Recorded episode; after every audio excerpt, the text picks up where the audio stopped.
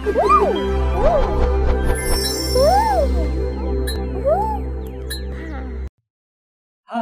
Apa kabar semuanya? selamat datang di podcast dari Himarupa. Apalagi kalau bukan Sapa Sapa Rupa. Senang sekali rasanya saya Madi Teorista dan teman saya Adrina Fikriani. bisa memandu teman-teman semuanya dalam kesempatan kali ini. Iya bener banget nih Dis. Kapan lagi kan kita ngobrol-ngobrol di Sapa Rupa kali ini. Oh iya ngomong-ngomong nih Dis, eh, kita kan udah semester 5 ya. Nah kamu udah ada bayangan nggak kira-kira abis lulus dari DKP ini mau kerja jadi apa? Wah, kalau ngomong soal kerja nih ya, Fit. Aku sebenarnya cukup eh, belum punya gambaran sih. Soalnya kalau awal-awal masuk kafe gitu, kepengennya pengen jadi animator. Tapi makin ke sini kok passionnya kayak belok ke ilustrasi atau mungkin komik gitu. Kalau kamu sendiri, Fit, udah ada gambaran nggak ke depannya mau ngapain? Kalau dari aku masih ya bimbang-bimbang gitu juga sih karena ada banyak banget nih ruang lingkup DKP yang bisa kita dalami gitu. Nah, pas banget nih di episode kali ini kita bakalan bahas sebenarnya prospek kerja jurusan DKP itu ada apa aja sih? Dan di podcast kita kali ini juga kita bakalan bahas salah satu prospek prospek kerja lulusan DKP ITS dengan bintang tamu yang kerja di salah satu startup ternama nih, Dis. Siapa sih di sini yang nggak pengen kerja di startup? Wah, keren banget tuh, Fit. Kira-kira siapa ya gestar kita kali ini? Nah, kali ini kita bakalan ngobrol mengenai prospek kerja lulusan DKP bersama Mbak Kartika Firdanuzula atau Mbak Cika. Salah satu alumni DKP ITS angkatan 2016 yang baru saja lulus di tahun 2020. Langsung kita sapa aja Kak ya. Halo Mbak Cika. Halo Mbak, gimana kabarnya? Halo, baik, sehat, alhamdulillah. Alhamdulillah. Alhamdulillah. Sekarang lagi sibuk apa nih Mbak? Em, belum ada sibuk apa-apa sih, masih kayak kerja biasa. Oke. Nah, jadi masih lebih ke kerja gitu ya Mbak? Kayak ada ada kayak private project atau apa gitu? Em, sementara kayaknya masih kerja aja sih, karena kan em, sekarang tuh lagi WFH, tapi udah kayak mulai WFO bertahap gitu. Jadi belum ngambil project-project lainnya. Oke, menarik banget nih. Nah, eh, sebelum kita masuk lebih dalam soal dunia kerja, sebenarnya aku penasaran sih Mbak. Eh, gimana sih rasanya ketika udah masuk di dunia kerja gitu? Pasti beda banget kan kayak kita eh, mas ketika masih kuliah gitu, masih ada dosen, masih ada teman-teman juga. Iya, beda nih? banget sih, Dis. Beda banget pastinya antara kuliah dan lingkungan kerja ya. Gimana tuh Mbak bisa Hmm. diceritain nggak? Kalau kerja tuh mungkin eh, lebih individual ya, jadi kan kayak nggak ada yang bantuin lagi, nggak ada yang ngebimbing gitu-gitu sih. Cuman em, paling ya perbedaannya lebih capek aja. Tapi kan ya kalau kerja kan cari duit ya, jadi ya mau gimana lagi. Sampai secara fisik dan mental nih ya Mbak ya. Iya. Oke, boleh diceritain nggak Mbak? Gimana tuh ceritanya bisa? eh aku dengar-dengar nih kerjanya di ini kan di Shopee di salah satu startup yang bisa dibilang udah terkenal banget lah di apalagi di mahasiswa ya. Gimana tuh Mbak ceritanya bisa kerja di sana? Sebenarnya em, kerja di Shopee tuh kayaknya hoki ya. Jadi awalnya tuh iseng-iseng aja nge-apply. Waktu itu nge-apply-nya waktu belum wisuda. Jadi kayak ya sebenarnya nggak mau cepet-cepet kerja juga. Cuman ternyata responnya dari Shopee itu cepet banget. Sekitar kayak sehari dua hari gitu udah dibalas. Jadi ya udah sih eh, apa ini juga pekerjaan pertama kan. Eh, jadi tinggal ngikutin prosesnya dari dari dia aja. Terus kebetulan Shopee itu emang perusahaan pertama yang ngebales um, applyan kerja aku gitu. Jadi sebenarnya kayak nggak nggak yang niat mau cepet-cepet kerja habis lulus gitu. Cuman kayak denger-denger kan eh, pasti banyak pasti banyak rumor-rumor yang kayak kalau kerja di startup atau e-commerce tuh um, nge-apply-nya itu lama, prosesnya itu lama gitu. Makanya emang niatnya uh, nge-apply duluan karena tahu kalau prosesnya itu lama gitu. Oke. Saya eh, juga pernah dengar sih Mbak kemarin itu. Apa? Kayak kalau ketika bulan Juli Agustus gitu kan kayak ada pembukaan EBKM ya Mbak, magang bersama kampus Merdeka gitu. terus Iya. kan kayak ada e-commerce startup yang lumayan terkenal juga gitu di Indonesia dan itu offline-nya kayak lama gitu nggak di ACC ACC banyak yang ditolak juga apalagi teman saya Fitri ini kemarin juga ikut MBKM dan kebetulan di salah satu itu ya beda Kompas Gramedia kalau nggak salah. nah Ya. jadi kayak sebenarnya mungkin bukan hanya dari respon Sofi eh, Sofinya aja yang cepet tapi mungkin mbaknya ini cukup wah gitu menurut semuanya jadi saya ngerasanya gitu sih mbak Iya benar. Oh iya Mbak, Eh, kalau boleh tahu sebagai apa ya Mbak di Shopee? Aku sebagai marketing graphic designer. Jadi graphic designer di Shopee itu kan banyak banget. Hmm. Terus em, tim-timnya itu beda-beda. Kebetulan aku di divisi marketing. kalau boleh tahu sebenarnya apa sih mbak yang ngebedain tadi kan mbaknya nyebut kayak marketing graphic designer apa sih yang ngebedain marketing graphic designer sama graphic designer yang umumnya gitu mbak Em, kayaknya eh, itu juga ada di matkul kalian ya, karena kan em, di matkul kuliah juga ada em, pelajaran marketing marketing design. Itu cuman eh, sebenarnya pembagian fokus kerja aja sih, karena kalau misalnya di marketing ya graphic desainnya yang dikerjain kayak promosi gitu-gitu, kebanyakan ke advertisingnya. Tapi kalau misalnya graphic design secara besar itu tuh macam-macam dia bisa ngerjain eh, layout apa misal layout majalah atau lain-lain kayak di Gramet kan juga graphic desainnya beda-beda. Ada emang bagian sosial media sendiri yang lain sendiri kayak gitu sih. Jadi kalau yang marketing graphic design ya fokus di marketingnya aja nggak yang lain-lain gitu. Oke, eh, tadi Mbak sempat nyebutin beberapa matkul DKP yang mungkin perlu dikuasai buat terjun sebagai seorang marketing graphic designer di sebuah startup. Kira-kira eh, ada skill-skill khusus nggak Mbak yang perlu kita kuasai atau apa matkul emang yang perlu banget kita dalami di perkuliahan gitu? Em, sebenarnya itu eh, tergantung masing-masing ya sukanya itu apa Em, dulu aku juga masih bingung kayak aku tuh sukanya gimana sukanya itu ngedesain apa kayak mungkin awal-awal eh, yang lain pada suka ilustrasi ikutan ilustrasi Wah, Eh, suka animasi ikutan animasi terus kayak baru bisa baru bisa motion akhirnya suka banget motion. Em, kalau misalnya kuliah tuh awal-awal kuliah tuh wajar. Eh, bahkan kayak setelah lulus aja kadang kita masih bingung kita tuh sebenarnya suka apa mau apply-nya gimana.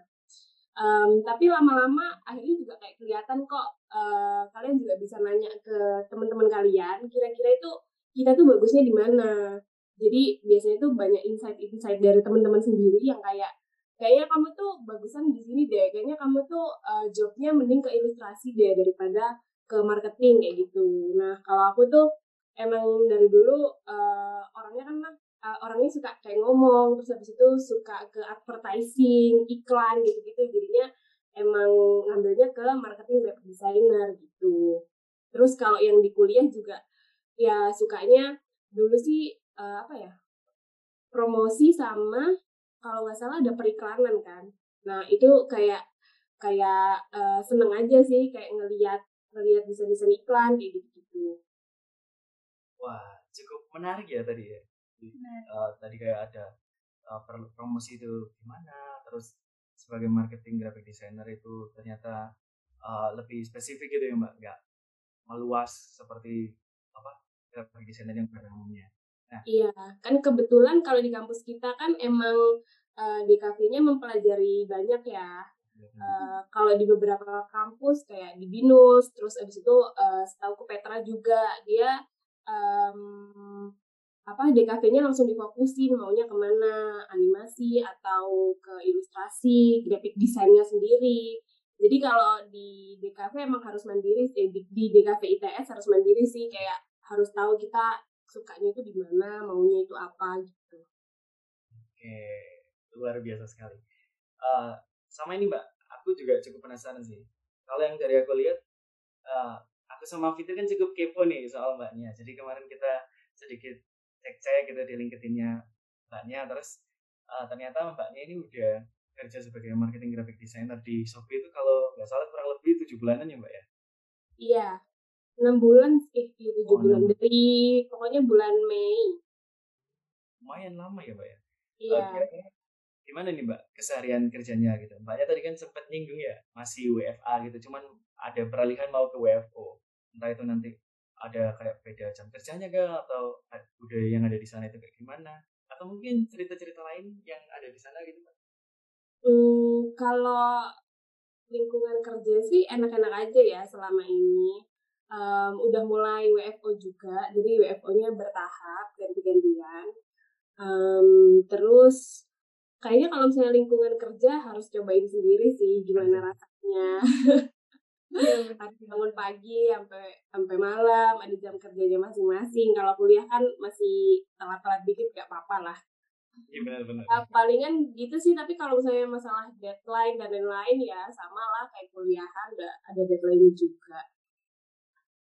Soalnya kan uh, saya ngeliatnya itu kayak wah ini sebuah startup yang cukup besar mungkin nanti beda nih pasti mungkin dari segi skema kerjanya atau sistematikanya gimana atau mungkin malah uh, lebih ringan gitu kan. Saya juga pengen tahu ya. Jadi itu sih pak sebenarnya kalau kalau ringan atau enggaknya itu tergantung orangnya masing-masing ya. Karena kan kayak um, apa ada yang kayak gila kerja jadinya ngerasa dia biasa-biasa aja. Jadi ya harus dicoba aja sendiri ntar atau kalau misalnya mulai dari sekarang kalian masih kuliah bisa aja coba magang di Shopee. Kan juga banyak tuh uh, lagi open atau di e-commerce e-commerce lain kayak yang tadi uh, apa tuh? MPKM. Iya, iya Mbak, MPKM. Iya, itu juga banyak kan di Tokped dan lain-lain. Itu uh, bisa buat belajar sih nanti tuh lingkungan kerja itu kayak gimana, rasanya kerja itu gimana, uh, workflow-nya, workload-nya kayak gimana gitu. Oke, uh, tadi udah diceritain ya gimana serunya dan challengingnya kerja di sebuah startup. Mungkin aku pengen tahu balik lagi ke backstory-nya, cerita-cerita sebelumnya. Emang Mbak Cika ini dari awal lulus BKP emang pengen kerja di startup kah atau gimana Mbak? Kok bisa nih tiba-tiba ada di Shopee gitu? Sebenarnya dulu nggak nggak nggak pengen matok kerja di mana sih. Um, tapi kebetulan aku tuh pernah magang di agensi, agensi di Jakarta. Dan itu kebetulan juga digital advertising agensi ke iklan-iklan juga, iklan-iklan digital. Jadinya kayaknya masih agak nyambung ya sama e-commerce. Terus um, dulu sih pengennya tetap kerja di agensi lagi. Cuman kayak ah nyoba ke perusahaan yang lebih gede lagi kira-kira keterima apa enggak kayak gitu sih. Jadi jadi emang awalnya iseng-iseng aja nggak yang emang niat kepengen ke situ banget gitu. Oke. Itu waktu magang semester 7 ya, Mbak? Apa magang semester 5 kayaknya. Oh. 2019 pokoknya. Itu juga masuk ke mata kuliah kok. Jadi emang ada mata kuliah kerja praktek dan itu diwajibin magang di salah satu perusahaan. Nah itu buat buat uh, kalian belajar juga sih gimana kerja itu kayak apa, secapek apa. Oke, luar biasa. Sama ini mbak, uh, tadi kan banyak uh, dicerita ya kalau sebenarnya bisa sampai di startup kayak Shopee itu iseng-iseng aja, cuman tahu-tahu uh, dapat gitu kan.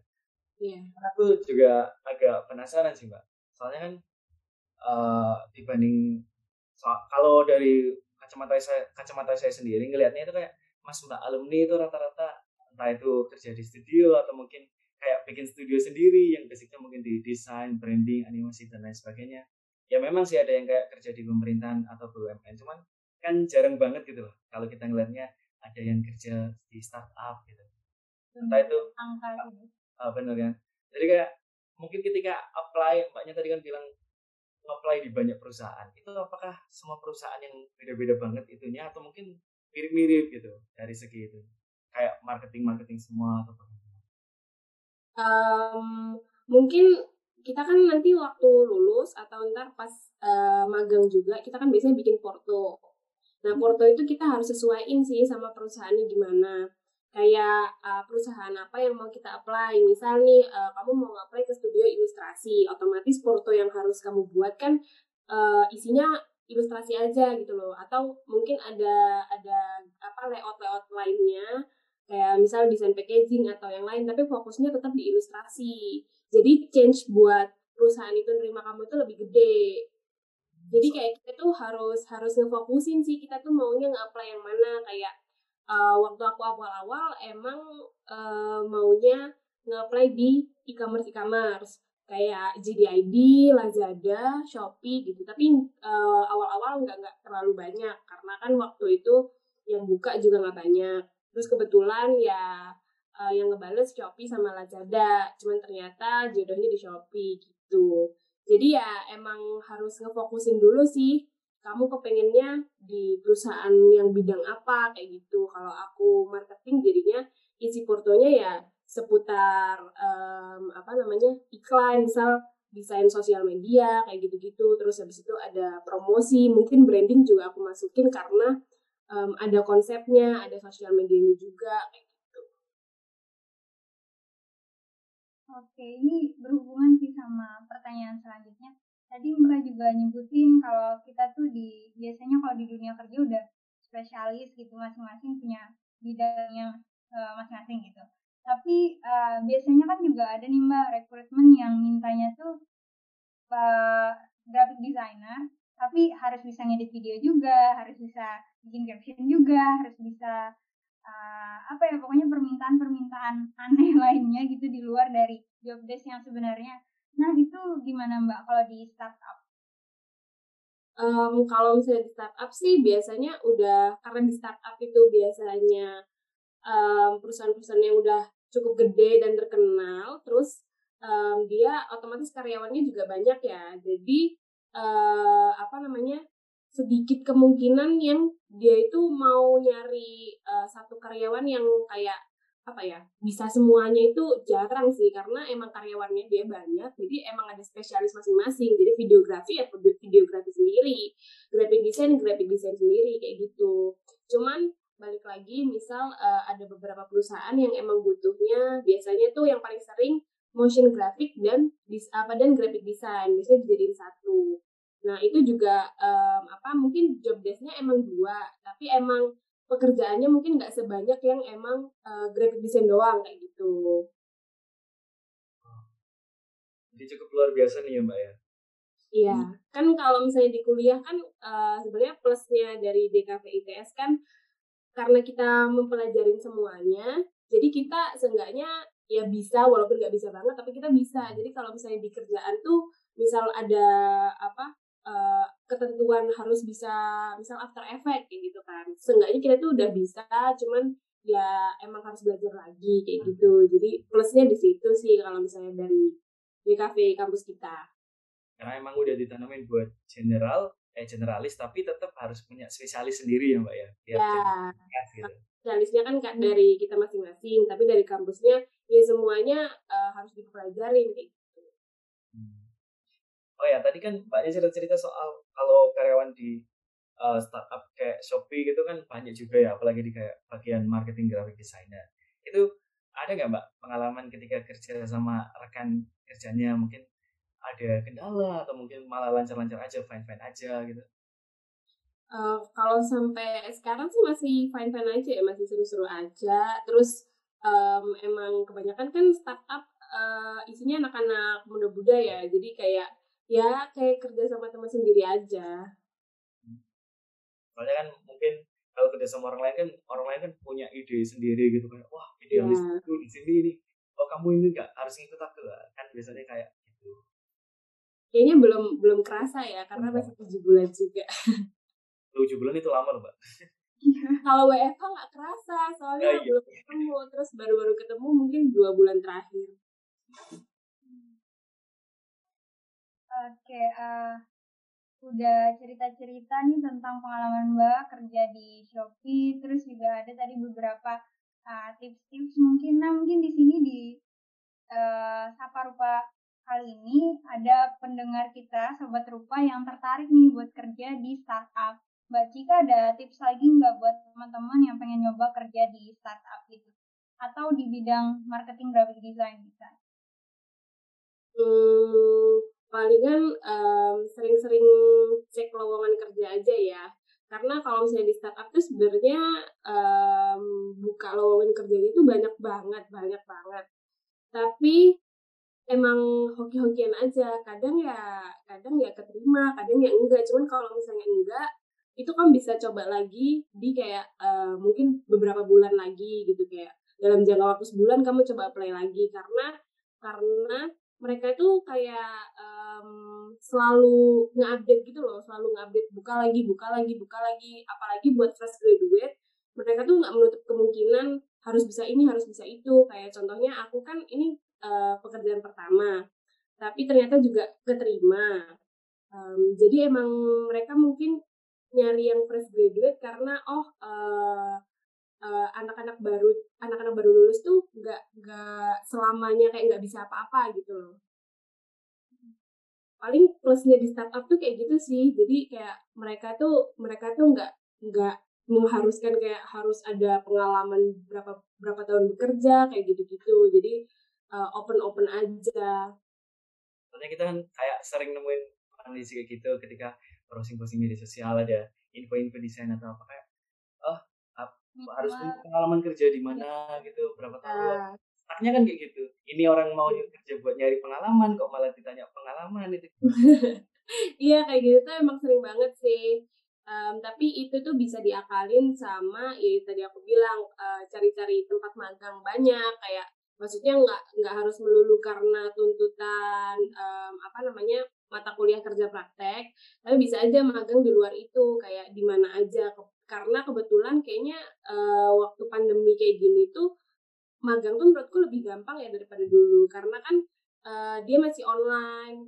Kayak apalagi kalau misalnya kamu mau uh, magang di Jakarta. Itu kan kalau misalnya kamu dari uh, Surabaya kan atau dari tempat-tempat lain susah gitu kan. Apalagi juga masih kuliah. Tapi kayaknya kalau misalnya online kan sekarang masih gampang ya jadi uh, itu sih manfaatin itu sih dan itu uh, apa ngebantu buat misi CV banget. Jadi kayak... Berarti pengalaman guru terbaik ya mbak? Iya. Apa? Luar biasa sih. Tadi kita udah bahas soal mulai dari uh, gimana Mbak Cika bisa jadi seorang marketing eh marketing graphic designer, terus pengalaman kerjanya bagaimana, ada juga beberapa tips trik yang mungkin sangat membantu banget nih. Kalau aku rasa cukup membantu sih buat teman-teman atau sobat rupa di luar sana yang mungkin masih bingungan soal wah dunia kerja itu nanti gimana, aku belum punya gambaran. Cuman tadi kan Mbak Cika bilang first time experience gitu yang penting harus nyoba sendiri-sendiri biar pada tahu dan bisa putusin apakah memang sebeda itu dengan kuliah atau enggak. Ya, uh, jadi mungkin itu tadi sih pembahasan kita pada podcast episode kali ini. Uh, menarik sekali sih, tadi udah bahas macam-macam banget dan juga dapat insight banget nih. Mulai dari aku, Fitri, sama mungkin teman-teman Sobat Rupa yang bakal denger podcast ini. Nah, buat menutup podcast kita pada hari ini, kira-kira mbaknya ada gak kayak sepatah dua patah gitu buat teman-teman mahasiswa di kafe yang saat ini mungkin masih struggle struggle lagi kuliah struggle apa gitu ada nggak mungkin sesuatu yang uh, Mbak sesali gitu selama menjadi mahasiswa atau mungkin Mbak pelajari nih ketika jadi mahasiswa gitu? Biar ya, bisa niru. Ya, um, apa ya? Um, senang-senang dulu aja waktu kuliah, selagi masih banyak teman, belum fokus nyari duit. Terus kayak kalau misalnya masih bingung kamu sukanya apa, kayak nggak usah dicari deh nanti bakal ketemu sendiri kamu tuh sukanya apa. Jadi ya ikutin aja um, kuliah secepat mungkin kalau bisa. Karena everything takes time gitu ya Pak ya? Ya pokoknya jangan ditunda-tunda lah karena teman-temanku banyak yang menunda-menunda biasanya mbak yang nunda-nunda nih kayaknya udah dapat tempat magang atau tempat kerja gitu jadi males nyelesain skripsi gitu gak sih mbak? Nah iya ya itu bener banget sih kayak teman-temanku banyak yang udah kerja um, jadi kayak ya malah nunda-nunda kuliah cuman uh, ya gimana ya kalau orang udah dapat duit ya mau gimana? Beda-beda sih soalnya. Iya jadi kayak ya utamain kuliah dulu lah ntar kalau misalnya udah lulus mau gimana aja mau nyari duit kapan aja juga gampang benar-benar Bener banget sih. Mungkin itu aja Mbak buat podcast kita kali ini. Makasih banyak buat Mbak Cika udah hadir di Sapa Rupa kali ini. Senang Oke. banget ngobrolnya, berfaedah banget pokoknya. Makasih banyak Mbak Cika. Sukses ya. Oke Mbak. Bye. Terima kasih Mbak Cika. Ya, sama-sama. terima kasih banyak mbak sangat luar biasa sekali tadi bahasannya Udah nih aku berat. Iya Mbak. Silakan Mbak. Thank you Mbak. Oke.